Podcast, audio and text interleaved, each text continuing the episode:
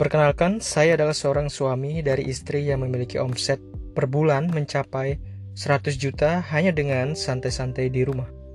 Istriku saat ini sedang fokus-fokusnya mencari cara bagaimana memudahkan dia menjalankan bisnisnya.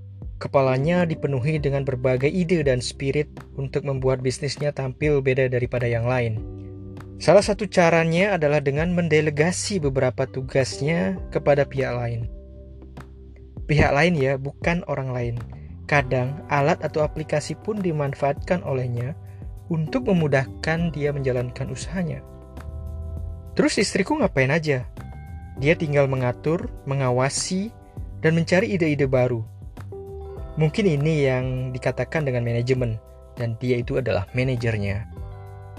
Jack Ma pernah berkata, saya selalu menemukan orang yang lebih pintar daripada saya. Tugas saya adalah bahwa orang-orang pintar itu bagaimana agar dapat bekerja sama. Ini yang akan memudahkanmu.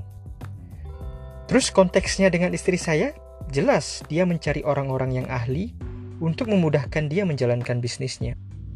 Mencari orang yang ahli dalam desain konten, mencari orang yang ahli dalam membuat aplikasi kasir dan pembukuan serta stok, mencari orang yang ahli dalam menerima konsumen, mencari orang yang ahli dalam mengelola toko, mencari orang yang ahli dalam membuat aplikasi Gojek.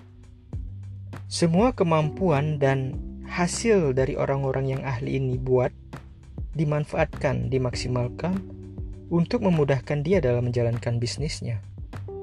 Misalnya dengan keberadaan aplikasi Gojek, dia dapat dengan mudah mencari kurir untuk mengantarkan produk ke customer.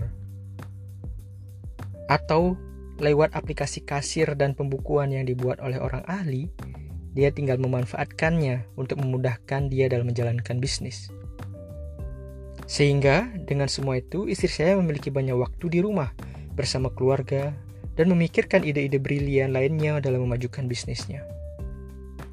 Sekian podcast saya kali ini, semoga bermanfaat.